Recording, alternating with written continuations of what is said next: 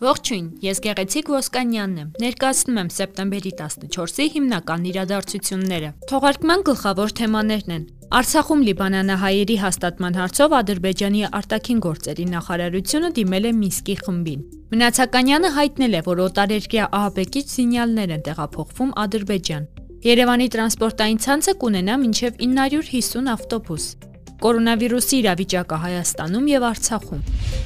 Ադրբեջանի արտաքին գործերի նախարարությունը դիմել է ԵԱՀԿ Մինսկի խմբի համանախագահներին ու միջազգային կազմակերպություններին Արցախում երկու լիբանանահայ ընտանիքների հաստատման առնչությամբ։ Ադրբեջանի ԱԳՆ-ի հայտարարությունում ասվում է, թե մեջբերում եմ. Հայաստանը վարում է ապօրինի վերաբնակեցման քաղաքականություն, փորձում ավելացնել հայերի թվականակը գրավված տարածքներում, մեջբերման ավարտ։ Ադրբեջանը միջազգային հանրությանը կոչ է անում գործուն քայլեր ձեռնարկել Հայաստանի կառավարությանը պատասխանատվության ենթարկելու համար։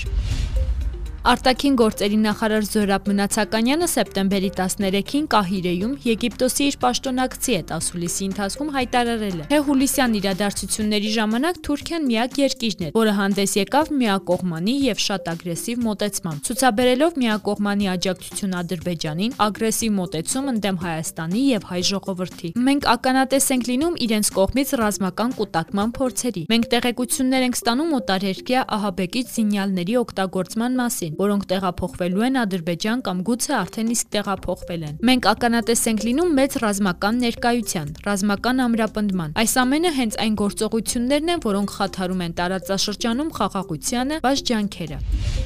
Երևանում մետրոյի նոր կայարանը կկառուցի պետությունը։ Այս մասին լրագրողների հետ զրույցում հայտարարել է Երևանի քաղաքապետ Հայկ Մարությանը։ Հայկ Մարությանը խոսել է Աջափնյակում մետրոյի նոր կայարանի կառուցման հերանեկարի մասին եւ հայտնել, որ փորձել են ներգրավել մասնավոր ընկերությունների, որpիսի այդ հոգսը պետության վրա չընկնի։ Եկել են կառավարության հետ այն համաձայնության, որ կայարանը կկառուցի պետությունը իր միջոցներով։ Հենց այս պահին մշակվում է նախագծի մրցույթ, որից հետո կունենանք նախագիծ եւ այն կդնենք շինարարական վարչական աշխատանքների մրցույթի։ Հայաստանում սեպտեմբերի 14-ի դրությամբ հաստատվել է կորոնավիրուսի 107 նոր դեպք։ 34 մարդ առողջացել է, մահացել է 3 մարդ։ Բացասական թեստերի թիվը 2524 է։ Դրական է կատարված թեստերի 4%-ը։ Արցախում հաստատվել է կորոնավիրուսային վարակի 2 նոր դեպք։ Վարակակիրները Ստեփանակերտի եւ Նորաշենի բնակիչներ են, որոնք նախորոք մեկուսացված էին։ Առողջացել է 1 քաղաքացի։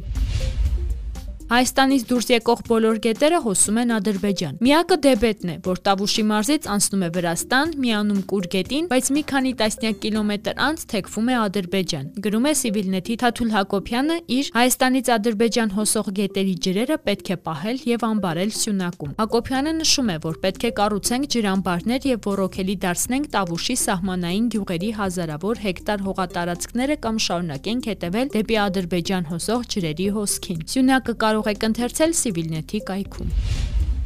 Երկրում համավարակային իրավիճակով պայմանավորված սեպտեմբերի 1-ի ավանդական զանգը հնչում է այսօր, սեպտեմբերի 14-ին։ Արարատի մարզի Գեղանիստ համայնքում առաջին անգամ դպրոց գնաց 29 առաջին դասարանցի։ Իմ գործընկեր Ժաննա Ավակյանը եղել է Գեղանիստի դպրոցում։ Տեսել թե ինչպես են պահպանվում հակահամաճարակային կանոնները։ Տեսանյութն ամբողջությամբ կարող եք դիտել Civilnet-ի կայքում եւ Facebook-յան էջում։